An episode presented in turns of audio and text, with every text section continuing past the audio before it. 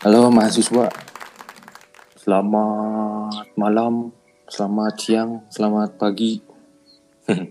Eh, kembali lagi bersama Ngobhim, ngobrol bareng Hima MBTI di episode yang pertama. Eh, hari ini kita di Ngobhim ganti host dulu. Soalnya host yang sebelumnya lagi ada sesuatu, makanya kita diganti hostnya jadi narasumber yang kemarin yaitu Bang Gece Farel Mangga. Asik. Halo mahasiswa nih. Sekarang diganti dulu nih hostnya kan. Jadi aku dulu nih. Jadi Gimana gimana? di kali ini nih kita ada narasumber yang sangat istimewa lah di Hima MBT ini gitu. Jadi di Hima MBT ini tuh kan ada pimpinan tuh, itu ada ketua himpunan, wakil dan ada jajarannya. Nah, di narasumber kali ini nih kita nih ngundangnya ketuanya nih langsung nih. Yang nggak di. Nah, eh jadi eh, gimana gimana? gini, karena hari ini tuh kita mau mengobrolkan sesuatu yang mungkin sama abang kita ini pahamin, jadi kita ngundang dia. Nama si abang ini tuh Bang Fikri Farel alias dia ini ketua himpunan Hima MBTI yang angkatan sekarang eh angkatan buat tahun sekarang. Mangga Bang Fikri Farel mangga silakan bisa mau ngomong sesuatu. Halo semuanya, Assalamualaikum. Selamat malam nih ya. Waalaikumsalam. Waalaikumsalam. Thank you banget udah diundang. Ini ngomong gue lu santai kan ya? Santai Bang. Sok Santai. santuy. Oke oke. Thank you banget nih udah diundang nih. Parah. Ya, ya. Iya. Bang. Karena Malah kita terima iya kasih udah mau datang. Santai dong. Bahasa basi Ah, kasihan enggak? Hmm. gitu kan sibuk Iya, gimana sibuk mungkin ada kegiatan main pingpong main badminton nggak tahu bisa meluangkan waktu Iya. buat ikutan podcast Hima MBT Oke. ini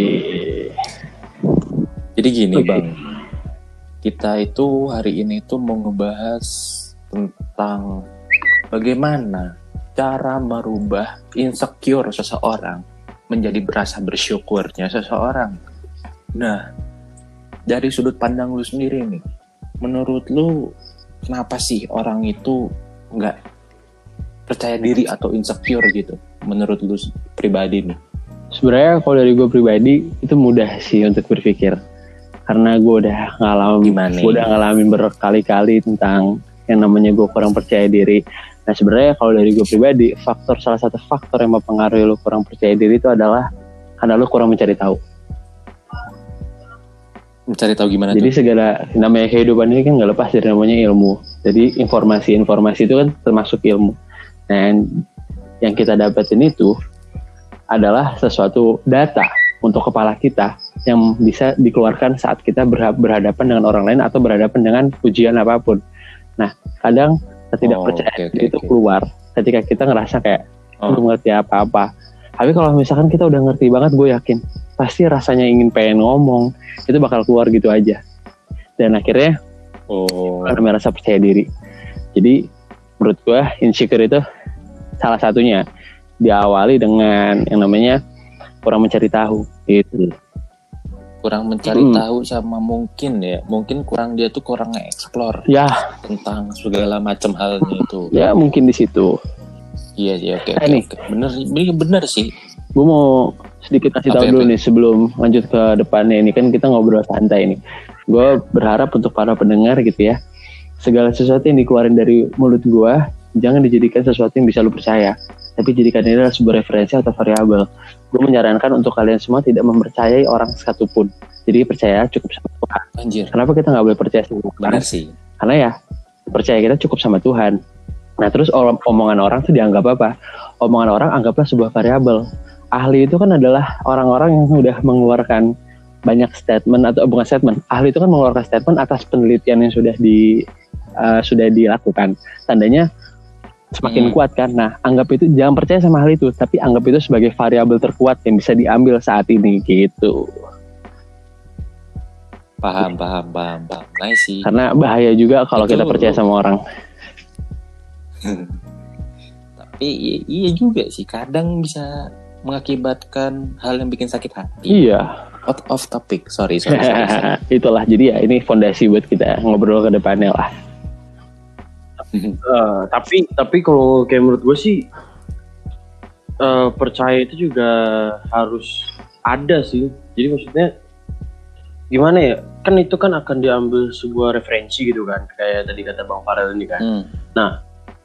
Eh, kenapa kita mau mengambil referensi referensi ini tuh berarti kita harus percaya kan. Nah mungkin eh, persenan percayanya akan dikurangi mungkin kayak gitu lebih baiknya. Jadi dari 100% kita mungkin percaya dengan yang kita akan ambil referensi itu menjadi 50%, 60% mungkin kayak Bisa gitu. juga iya iya bisa mungkin juga. bisa jadi bisa jadi Kalau gue lebih mengambil itu menjadi variabel terkuat yang bisa gue ambil gitu. perspektif ya Eh, perspektif. dari Jadi itu. orang ada sebutannya sendiri-sendiri. Jadi asal pemahaman satu tujuan menurut gue ya baik-baik aja. Walaupun tidak satu tujuan juga ya nggak apa namanya juga Hmm. berbeda orang. Gitu. oke dah bos lanjut Balik lagi nih dengan kayak tema kita yang insecure menjadi Oke. bersyukur nih bang. Nah, nih menurut abang nih kalau orang yang insecure nih, nah orang ini nih ke depannya misalkan ini kita kan masih lingkup mahasiswa nih, maksudnya kalau masih lingkup mahasiswa mungkin eh, insecure gitu tuh masih kepake kayak maksudnya masih nggak apa-apa karena kita masih berada di kelas duduk di kelas belajar gitu kan nah kalau menurut aku nih kayak kalau misalkan ada orang insecure nah dia itu udah merambah ke dunia pekerjaan itu menurut abang tuh eh, bisa nggak sih orang insecure ini bertahan hidup di dunia pekerjaan yang akan datang nanti gitu Kalau soal insecure hmm. masuk ke dunia kerjaan, karena gue belum masuk ke dunia pekerjaan, jadi menurut gue gue belum bisa memahami lebih dalam di sana. Cuman insecure itu kan salah satu yang pengen dihancurkan dari setiap orang ya, pengen di develop. Gimana caranya si insecure ini hilang. Nah jadi Hmm. bahkan masuk kerja juga kan pasti lo butuh yang namanya percaya diri buat membranding diri lo Iya di sih, sana. setuju sih gue setuju. Jadi menurut gua hilangkan insecure lo dari sekarang. Dengan cara apa ya lo pasti punya cara sendiri. Tapi gue menyarankan salah satunya adalah banyak mencari tahu dan banyak ngobrol sama orang sih. Karena di situ lo bisa tukar berpendapat kayak gitu. Harus bedain juga ya namanya diskusi sama debat gitu loh. Kadang kita berusaha untuk berdiskusi sama orang tapi hasilnya debat yang muncul tuh cuma Nah, ego kita masing-masing buat memenangkan statement kita gitu. Padahal kan kalau lagi forum diskusi kan kita jadi gelas kosong aja yang bisa dengerin orang-orang. Dan walaupun orang itu berbeda pendapat sama kita, tapi seenggaknya kita dapat ilmu baru dari orang itu, dapat perspektif baru, dan itu kan bisa menjadi referensi di otak kita dan kita olah lagi gitu.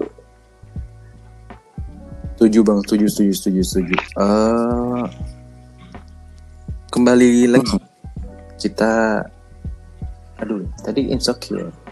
Gini deh bang, kan, uh, gue mau nanya nih, Eh, menurut lu, kan tadi kita udah ngebahas tentang cara ngatasin tidak percaya diri itu, terus atau insecure ya, terus kita bisa em, apa sih kita juga udah ngebahas penyebab orang jadi insecure, cara ngatasinnya juga kayak gimana.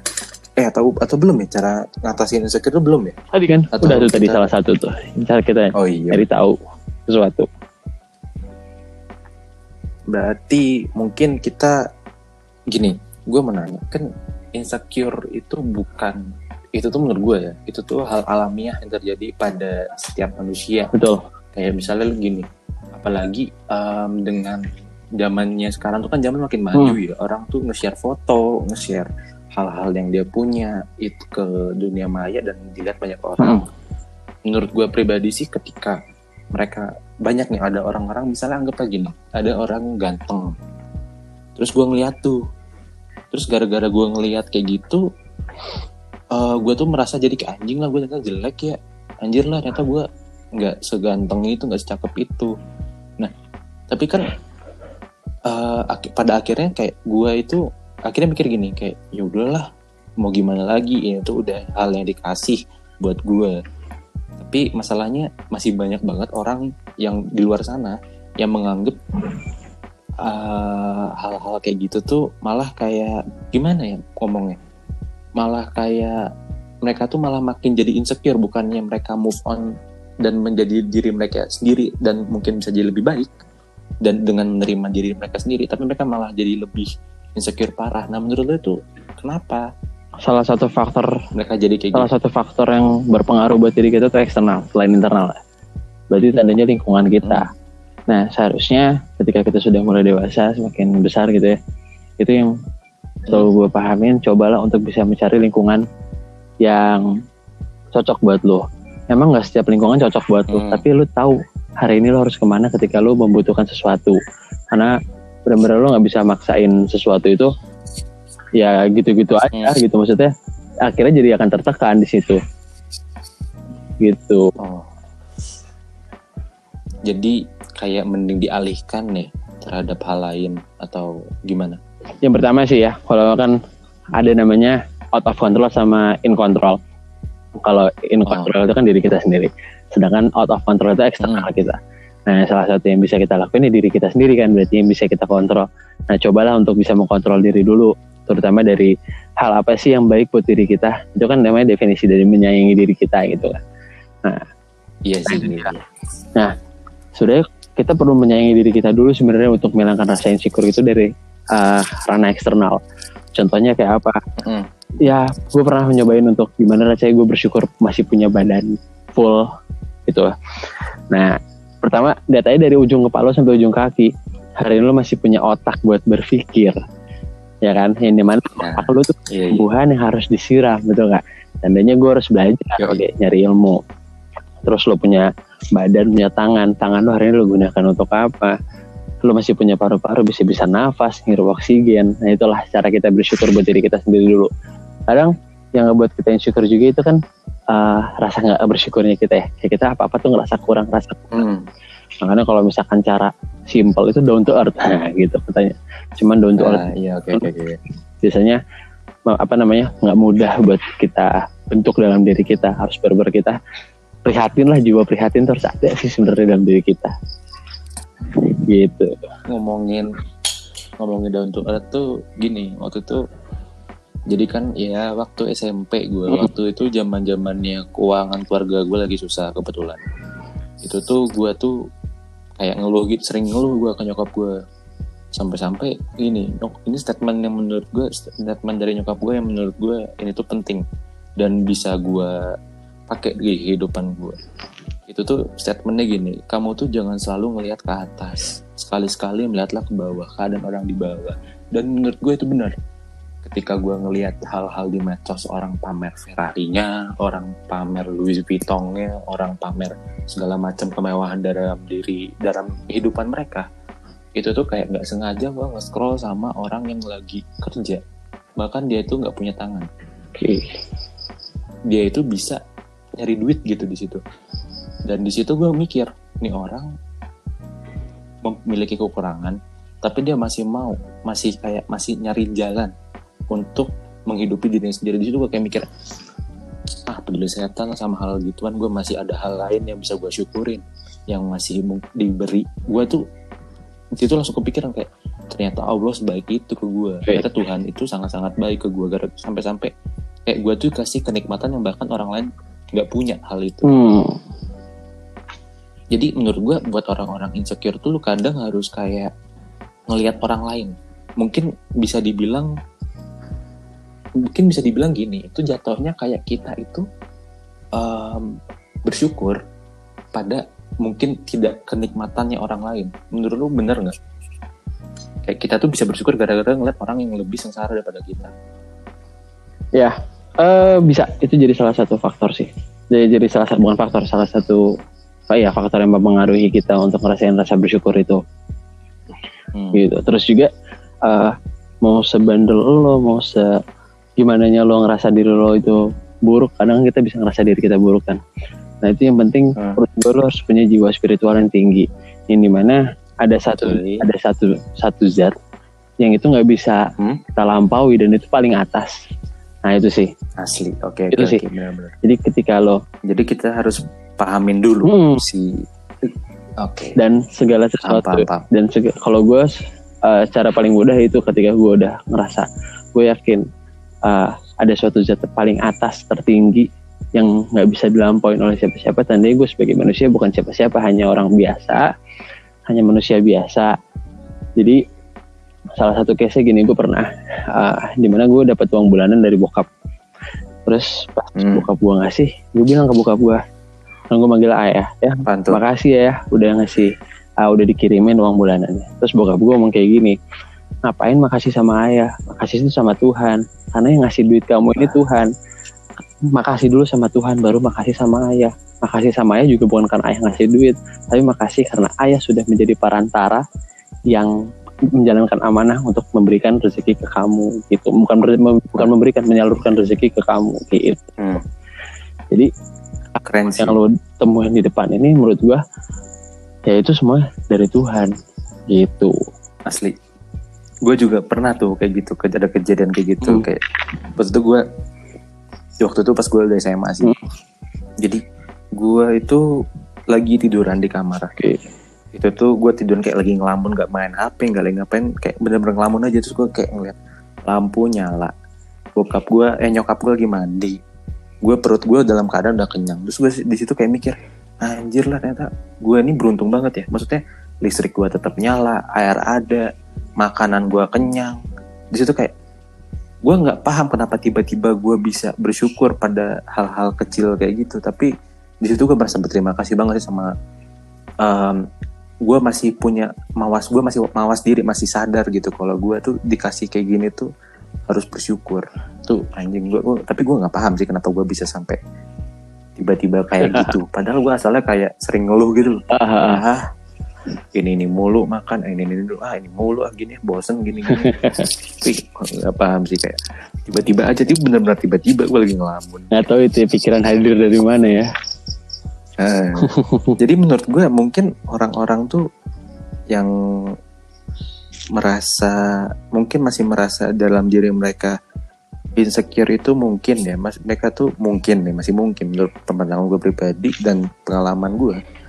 Mungkin mereka tuh masih belum nemuin apa ya kayak ne- belum nemuin pemikiran soal tentang hal bersyukur itu loh. Dan menurut gue bersyukur tuh sumpah susah iya. Gitu. hmm, bagaimana lu paham untuk bersyukur segala macam gitu? Gimana gimana bang? Ya s- masih gue masih belum bisa menyimpulkan bahwa bersyukur itu sulit dipahami atau sulit hadir dalam pikiran kita karena gue masih memikirkan bersyukur itu adalah sesuatu yang hadir di diri kita apa Oh, kita timbulkan oke, oke. sendiri. Maksudnya kita pikirkan sendiri untuk timbul di uh, di pemikiran kita. Gitu sih hmm. Itu masih belum gue bisa tarik variabel yang mana yang paling tinggi yang paling kuat gitu. Oh ya sih ya sih. Setuju bang setuju hmm, ah, harus Hmm? memahami lebih dalam lagi ya. Iya. Ya mumpung masih hidup masih ada umur gue niatnya ya gue pengennya sih cari tahu explore lebih banyak hal lagi. Ya sepakat. Bagus. Dan ini gue uh, gimana gimana sempat berpikir tentang hal gini. Jadi gue dulu pernah merasa mm, marah sama Tuhan. Ini mana? Itu gue berdoa terus. Ini gue pengen umroh, gue pengen umroh, gue pengen umroh gitu kan. Ya Mhm. kalau nggak gue ya orang tua gue aja lah berdua umroh gitu. Dan kadang di, di hati gue ngerasa mereka tuh mampu, cuman kok nggak berangkat berangkat gitu kan. Nah, terus Hmm. gue doa terus sampai gue akhirnya uh, kesel terus gue telepon temen gue temen gue suka kajian juga gue telepon temen gue kok gue nggak dipanggil panggil ya? Umroh ya? Yang dipanggil tuh bener-bener teman bangku sebelah gue teman bangku belakang gue di kampus dan teman seberang kanan gue di kampus. Kata gue kok Hmm. malah mereka yang cepat umroh ya? Kok gue doanya nggak nyampe nyampe nyampe gitu ke gue gitu kan. Nah terus Hmm. temen gue ngomong kayak gini nih. Agak bener-bener motivasi gue dia ngomong kayak gini. Bukan memotivasi tapi membuka pikiran gue dia ngomong kayak gini mungkin hari apa gimana gimana? ini dia diberikan rezeki umroh. Itu bukan doanya dia yang dikabulin. Tapi itu mungkin doa kakek buyutnya dia dulu yang berdoa pengen keturunan keturunan diberikan kesempatan untuk pergi haji dan umroh. Dan doanya itu baru dijabah Oh. dan itu turun ke anak cucunya. Jadi dia itu umroh mungkin bukan karena doanya tapi karena doa dari uh, buyut-buyutnya itu. sebelum gitu. Jadi uh, kita nggak ada yang tahu nih rezeki kita tuh apa sebenarnya. Jadi kayak emang setiap orang tuh punya rezeki masing-masing. Kayak ibaratnya gini keadaan covid Gimana? keadaan pandemi. Hmm. ada yang mereka yang bisa stay enak di rumah ada yang mereka yang harus bergelut di jalan ya kan? Nah Mas- menurut gue hmm. itu emang ada rezekinya masing-masing. Mungkin ada yang dikasih rezeki untuk tinggal di rumah dengan nyaman ya harus dimanfaatkan keadaan itu. Terus ketika melihat yang susah sebenarnya ketika kita membantu orang yang membutuhkan itu bukan kita ngebantu dia. Tapi secara tidak sadar itu kita lagi ngebantu diri kita. Kita lagi berbisnis sama Tuhan gitu. Itu cara kita berbisnis sama Tuhan dengan cara eh, apa namanya kalau di kalau di gue tuh yang gue pahami itu eh, tentang ini. Apa tuh? kita tuh harus membawa kabar baik ah bukan kabar baik ya tapi ya eh, harus menjadi menjadi Diri terbaik. jadi orang yang baik lah buat seluruh umat manusia gitu loh umat seluruh Oh, umat manusia paham, paham. jadi kebermanfaatan kita itu harus disebarluaskan ke orang-orang sebenarnya bukan buat orang-orang tersebut tapi untuk diri kita. Nah orang tersebut yang mendapatkan itu adalah rezeki dari Tuhan. Kita yang hari ini Oh, diamanahkan sama Tuhan untuk memberikan mereka gitu.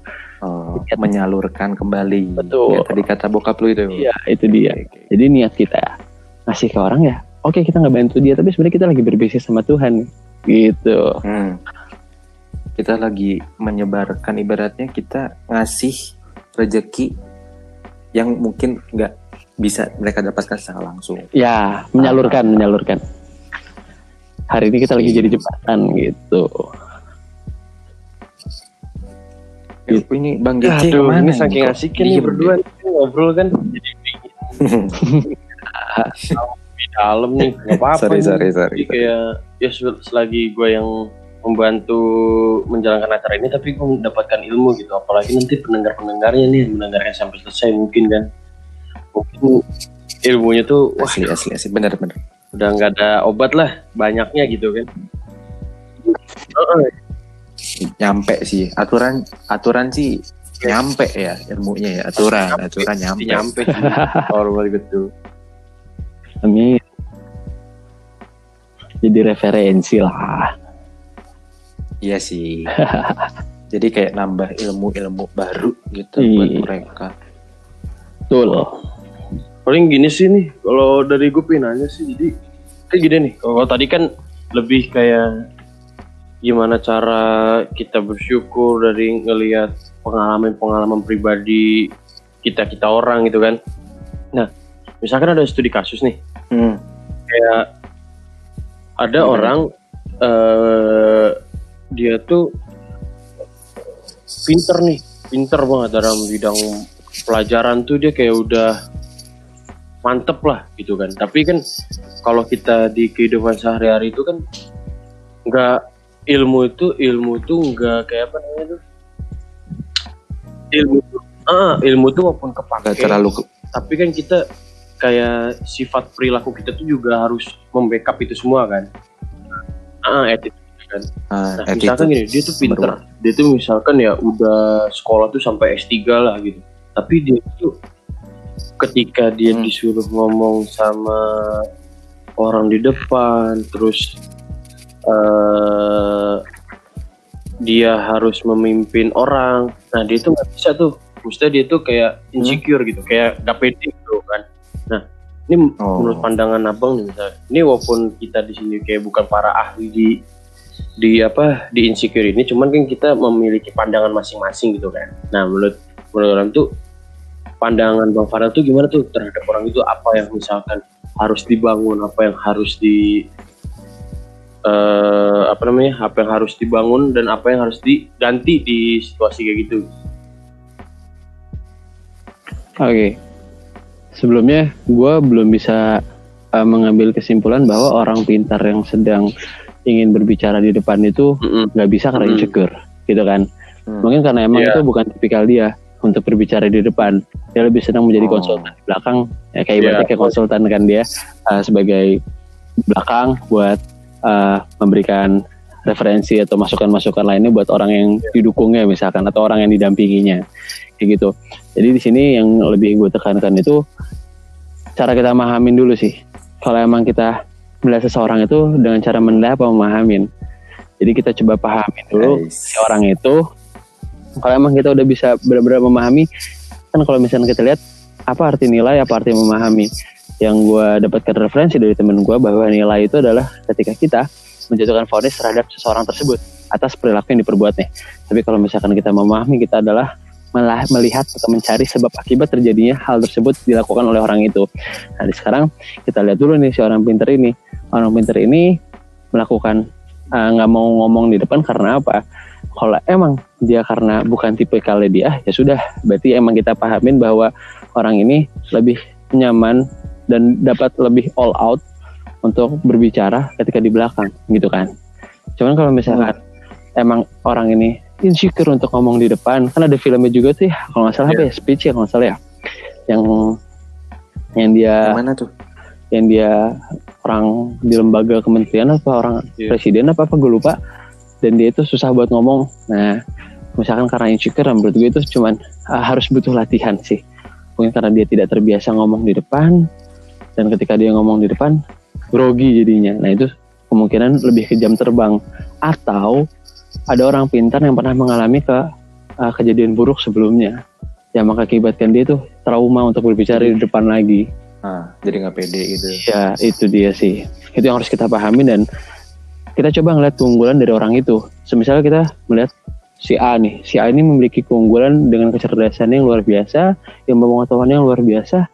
Tapi ketika dia kita kita ngerasa dia harus nih menunjukkan sesuatu informasi kepada masyarakat tetapi orang ke orang-orang lah gitu tapi orang ini tuh nggak bisa ngomong di depan nah cobalah kita hmm. lihat potensi dia gimana kan nilai yang mau kita ambil di sini adalah informasi dari kepalanya dia dari perspektifnya dia untuk orang-orang di sekitarnya kan ya udah kita hmm. buat gimana caranya si informasi tetap tersampaikan dengan kondisi yang dia yang orang ini tetap hmm. merasa nyaman gitu jadi yang penting nilai dari yang mau disampaikan itu tercapai. Bukan kita mempermasalahkan okay. bukan kita memper bagaimana cara dia berbicara bagaimana oh, cara dia itu. Okay.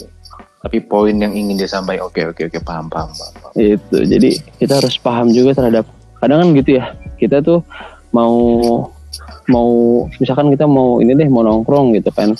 Mau nongkrong yeah. malam ini kita mau ngumpul nilai kita kan mau ngumpul tapi kita kadang suka heboh ngomongin tempat ngumpul kendaraan gitu kan. Ya sebenarnya capai dulu aja nilai hmm. si kumpulnya ini dulu. Ya udah titik poin di mana? So kumpul bareng ngumpul bareng. Nah salah satu mungkin ada yang harus mengalah karena keinginan tempat nongkrongnya tidak tercapai. Nah kadang yang membuat kita menggebu-gebu itu ada ego kita sendiri.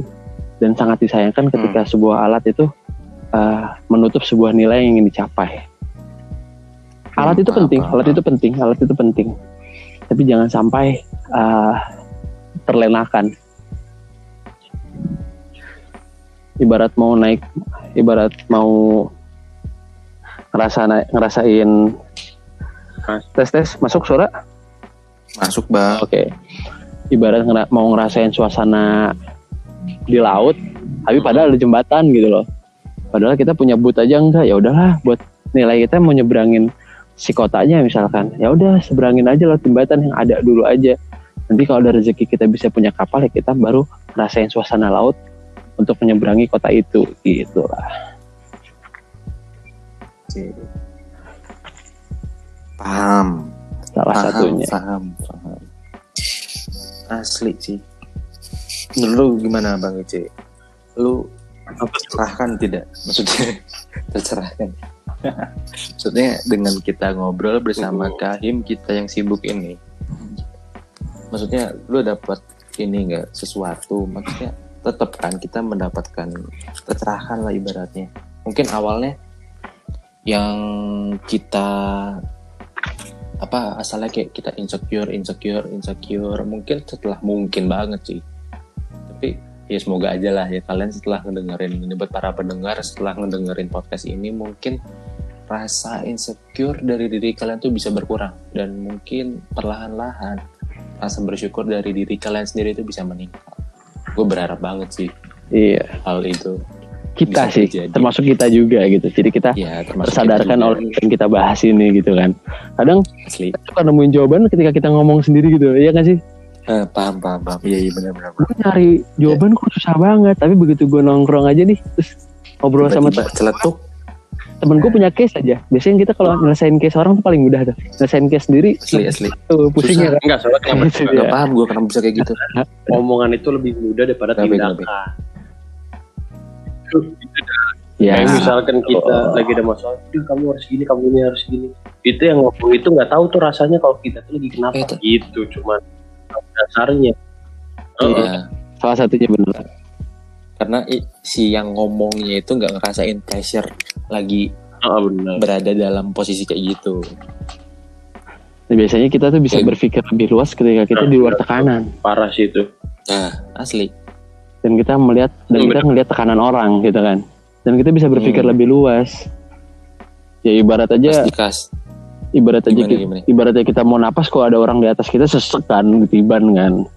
Nah itu salah satunya oke dap dapat tuh dapat apa sih? Um, perumpamaannya dapat benar-benar analoginya dapat analoginya dapat Eh, gini deh gua mau nanya. Gua gini eh mungkin dari setelah tadi kita ngomongin penyebab dari orang menjadi insecure terus cara ngatasinya gimana terus tadi studi kasus dari Bang Gece soal orang yang mungkin eh, pemalu. Tapi dia pinter banget tapi pemalu. Terus dan banyak hal lain yang mungkin tetap masih berhubungan sama insecure dan merubahnya menjadi bersyukur. Gue mau nanya nih bang. Gimana sih sebenarnya ya cara kita ngetahuin potensi diri atau enggak kualitas diri kita sendiri?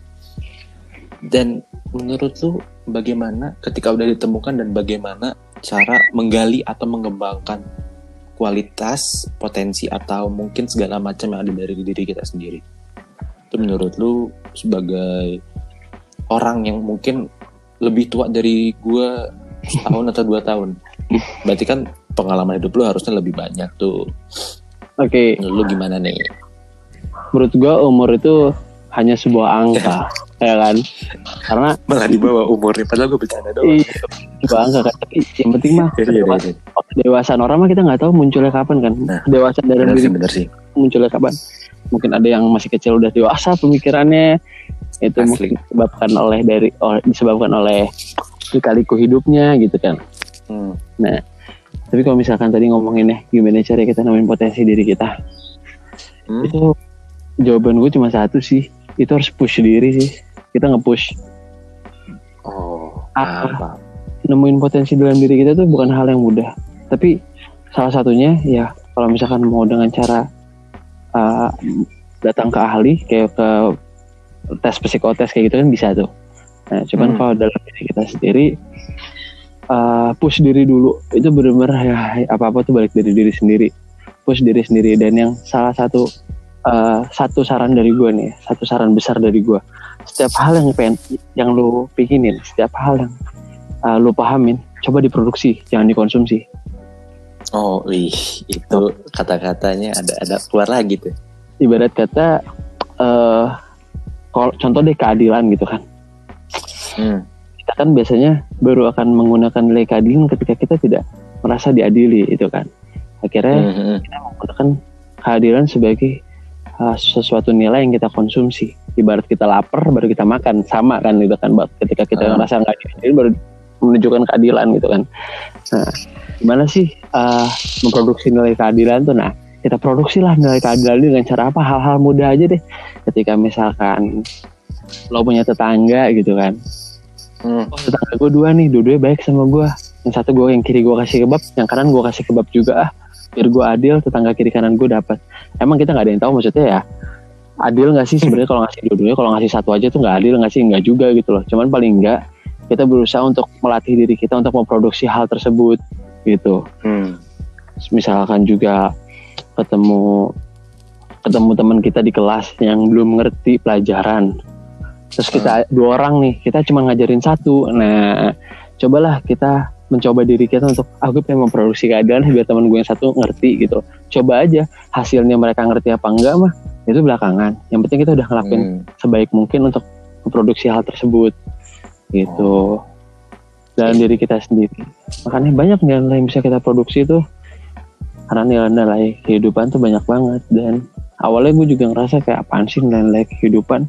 Tapi setelah gue pahamin kepahamin titik kedamaian pe- pemikiran dan hati gue muncul ketika gue memahami tentang kak nilai-nilainya itu. Kayak mana? baru muncul itu kayak oh iya iya. Hmm. Di mana tuh ego hati itu bisa turun cuy. Ego di dalam Wih. hati kita bisa turun karena kita ngerasain ada nilai yang mau gue capai bukan dengan cara gue kadang suka gini gak sih? Lo, lu punya ide nih. Misalkan Nadim Hmm. punya ide dia punya ide gue juga punya ide. Ide yang si ide yang pengen gue cetusin diambil duluan sama bukan diambil duluan disebutin duluan sama Nadim gitu Ah. kan terus kalau nggak dicetusin juga atau sama GC nah kadang gue juga ngerasa Hmm. kayak wah gue padahal mau ngeluarin ide gitu juga tuh gitu kan. Wah Hmm. gue yang ngomong nih biar gue ngerasa terpandang sama orang. Nah itu sebenarnya cuma ego. Padahal Oh, iya sih. seharusnya tujuan yang kita itu kan iya rasa harus- penasaran itu. Nah seharusnya yang paham, paham. nah si ini nih jawaban ini ini yang mau gue jawab tadi nih. Alhamdulillah dijawab sama Nadim nah misalkan kayak gitu. Jadi gue nggak perlu ngomong. Kadang ada ego aja muncul di hati kita kan wah sialan dia yang Hmm. jawab dia yang kepandang nih sama orang-orang ya itu tuh iya bahaya karena pasti ada momennya kok ada momennya ketika kita diberikan time waktu untuk uh, Mm-mm. misalkan untuk speak up untuk didengar sama orang karena ya kayak yang gue pahamin lah ya dari ya, agama yang gue pelajarin Tuhan itu kan Hmm. maha membolak balikan hati jadi Ya. ketika mungkin aja ketika ada orang A ngomong orang B ngomong sama-sama omongannya mirip tapi didengar omongannya A yang B nggak didengerin gitu oh berarti hari ini si orang C yang mendengar ini lagi dibukakan hatinya untuk mendengar omongan si A misalkan Hmm. tuh itu sih Eh, tadi eh iya, gue mau ngomongin, tapi mungkin rada out of topic sih Hmm. soal yang tadi nge-push limit nge-push diri lu sendiri. Ah. Itu tuh gue tuh, jadi gue pernah kayak gini. Em, waktu itu kan gue kayak ikut ekskul fisik gitu kan. Itu tuh yang namanya gue tuh tiap latihan tuh kayak monoton gitu loh, kayak oh ya udah gini-gini doang. Eh tapi pas suatu saat sama kayak kakak kelas gue tuh, gue disuruh lebih kayak lu coba larinya lebih lama lagi dan lebih cepat lagi di situ kayak gua wah itu hancur sih gua muntah lah gua kunang-kunang segala macem.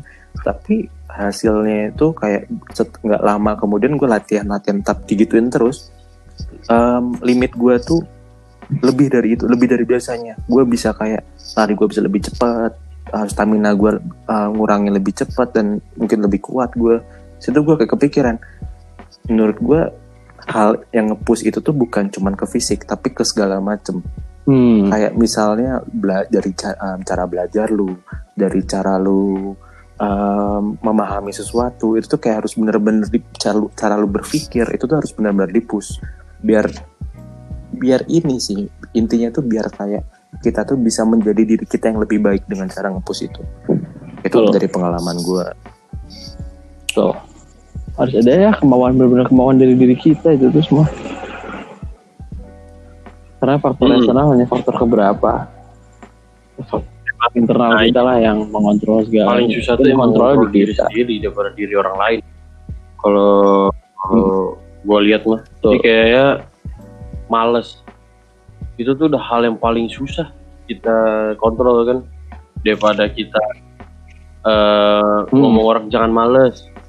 Nih caranya nggak males nih buka buku gitu kan padahal diri kita sendiri tuh yang harus susah buat dikontrolnya kayak gitu sih Hmm. Betul. Nah, faktor eksternal lah ketika lo lagi pengen ngedevelop itu, kadang kita membutuhkan faktor eksternal untuk mendukung kita kan. Bahkan nggak kita nggak nyari faktor eksternal buat ngedukung kita aja. Kalau misalkan kita dikasih tugas terus teman kita mayoritas ngerjain tugas, pasti kadang kita ke bawah pengen ngerjain tugas juga. Nah, masa gue bener-bener. sendiri yang ngerjain tugas. Nah, ini adalah uh, ujian di kala pandemi kayak gini. Ini mana Dipush sama keadaan juga ya dan di mana lo di rumah lo jarang ketemu sama teman-teman kuliah lo tapi beban Hmm. ujian lo tuh sama sama teman-teman lo sama-sama tugas yang sama cuman di sini lo nggak bisa ngerasain eh, faktor eksternal yang satu beban sama lo jadi ya lo apa apa harus ngepush diri sendiri beneran deh yang namanya bangun terus yang namanya apa namanya ngerjain tugas. Itu benar-benar harus ke makanya gue salut sih sama orang yang selama pandemi gini masih konsisten buat ngedevelop dirinya. Itu gue salut banget karena Iya sih, setuju gue setuju. gue lari gue lari seminggu aja tuh minggu depannya agak males-malesan tuh. Terus sekarang belum lari Sama. gitu kan gitu. Anjir ternyata gini tuh bukan hal yang mudah gitu anjir Setuju, setuju, setuju. Parah. Sus- susah gitu loh kalau lo biasanya kalau lagi nongkrong gitu kan lagi nongkrong di warkop terus kita suka sharing-sharing sama teman terus nemu ilmu baru karena suka kita pulang kepo kan apa sih yang tuh orang ngomongin gitu kan gue pengen tahu juga nyari lah gitu kan nyari bukunya nyari jurnalnya atau nyari YouTube-nya videonya kan Mm-mm. Nah, sekarang kita bisa ngelakuin hal itu mungkin karena dari ini dari berita atau segala macam hal atau nelfon sama temen. Cuman keada keadaan yang tidak sengaja itu tuh yang biasanya gue rinduin. Ketika teman-teman gue nyetus ngomong apa apa kayak langsung aja ngomong sesuatu hal misalkan ngomongin bumi datar gitu kan. Apa anjing apaan tuh bumi datar gitu kan. Kayak info-info yang tidak terduga tuh suka muncul di tongkrongan yang membuat kita pas pulang tuh kayak ah gue pengen cari tahu. Ah gitu. Itu sih Ya, mungkin ini sudah di ujung ngobrol-ngobrol kita nih. Udah udah berapa menit nih kita nih ngobrol kan? Ud- Udah empat udah 40 menit nih ngomong nggak sumpah nggak kerasa banget kalau ngomongin Kerasa soal kayak yang kita alamin juga yang relatable lah gampang. Iya itu emang. Nah inilah Ya. serunya serunya di ngobim itu kita ya saling sharing, saling menceritakan apa pun tentang hal gitu kan. Kayak yang gue lihat sekarang gitu. Kesimpulan itu kayak insecure itu tuh harus menurut menurut gue tuh harus tetap ada tapi jangan terlalu berlebihan dan kita itu di sini harus Nah, Harus- benar benar. benar. kayak apa namanya berlatih untuk gimana caranya kita bersyukur. Mengontrol. jadi Yo, itu yang iya. kita- oh gitu. Jadi gue dapet jadi gue ingat dari teman Ah, lanjut lanjut dulu lanjut jadi yang itulah yang kayak kita lihat tuh oh ini nih cara bersyukur. Kita bisa misalnya kita bisa melihat gimana cara bersyukur tuh kita kan udah ada sekarang ya udah dunia digital gitu kan bisa kita cari di mana-mana gitu kan. Yang yang penting eh, kita udah kayak memba- membaca dasarnya gitu dan kita tapi tetap kita yang membentuk gitu. Nggak bisa kalau kita tuh bersyukur dari kata orang itu udah hal yang fana gitu kalau tuh gitu sih. Kesimpulannya. Mm-mm. oke benar. Benar benar benar. Gue sepakat. Tadi gue terinspirasi dari omongan lo dan gue teringat sama omongan temen gue yang waktu dulu pernah ngobrol sama gue yang di mana kita sering sharing sharing yang di mana gimana kalau misalkan kita mengubah rasa insecure menjadi rasa waspada bro? Iya, benar. Ya nggak sih? Bener sih bener bener Kan bener. kita kalau misalkan terlalu nyaman juga nggak baik kan? Kita nggak pernah tahu apa Hmm. yang datang kan nah kita bisa berkaca sama orang Jepang yang di mana tingkat waspadanya tinggi dan mereka cerdas yang di mana ketika gempa dia udah siap Hmm. dengan bangunan yang oke gitu kan misalkan Hmm. dan permukaannya di bawah laut tapi dia sudah menyiapkan bendungan yang tinggi misalkan nah itulah Hmm. hal-hal yang unik eh, bukan unik hal-hal yang unik itu dia bener unik yang hebat udah dibangun oleh orang-orang di luar sana yang bisa menjadi uh, referensi buat kita bahwa oh ternyata ada tingkat kewaspadaan yang lebih baik diciptakan di diri kita di- dibangun di diri kita dibandingkan rasa Hmm. insecure. Kan kalau misalkan ngerasa ngerasa waspada kita pasti menghindar atau enggak kita membangun sesuatu kan. Ibarat lu naik Hmm. motor nggak ada rem kan pasti waspada kan. Berarti tandanya Asli pelan pelan. nah pelan-pelan. Kalau punya uang kita langsung benerin gitu kan. Jadi ada Hmm. perubahan di situ. Nggak mungkin nggak lu bener-benerin kan lo mau mati gitu Iya sih. itu sih bener-bener jadi kita gimana cara ngerubah rasa insecure jadi rasa waspada itu Dan Jadi ap- di malam ah, gimana Hmm? gimana gimana. Ya, jadi apa pun Dulu itu duluan. jadi apa pun itu ya itu tadi mau gue lanjutin bahwa rasa insecure kita ubah menjadi uh, rasa waspada dan tetap meningkatkan rasa bersyukur dalam diri kita biar kita Nah, kita selalu cukup kok kita selalu cukup kok gitu Itu. Alhamdulillah. Alhamdulillah. Malam ketika malam ini kita, gua, Bang Farel, Bang Gece, kita tuh mendapatkan ilmu-ilmu baru. Kita eh, bisa ngobrol lama. Kita ibaratnya udah nggak ngobrol lama terus kayak ngobrol lagi. Dan kalian buat para pendengar ngophem mendapatkan mungkin referensi baru. Ya, mendapatkan variabel baru dan mungkin kalian tuh bisa tercerahkan. Bisa kayak semoga banget semoga sumpah semoga banget kalian tuh kayak setelah ini tuh bisa menerima diri kalian sendiri lebih baik. Dan mungkin kalian ada it's okay kok buat insecure. Menurut gue insecure itu wajar. Bener kayak kata bang Gece karena dengan rasa insecure itu lu bisa nge-push diri lu menjadi diri lebih menjadi lebih baik lagi dan lu bisa bersyukur dengan insecure itu jadi menurut gue ya itu tadi kok muter-muter gue ngomongnya sorry. Menurut gue itu insecure butuh untuk menumbuhkan rasa bersyukur. Tuh. tadi lagi kayak tadi lagi kata Bang Farel. Ada ilmu baru yang menit menit akhir ini kita tuh bisa dengan insecure kita bisa menambahkan atau memunculkan rasa waspada dalam diri kita sendiri. Yang menurut gue iya sih benar sih. Kayak nggak salah gitu jadi alhamdulillah banget.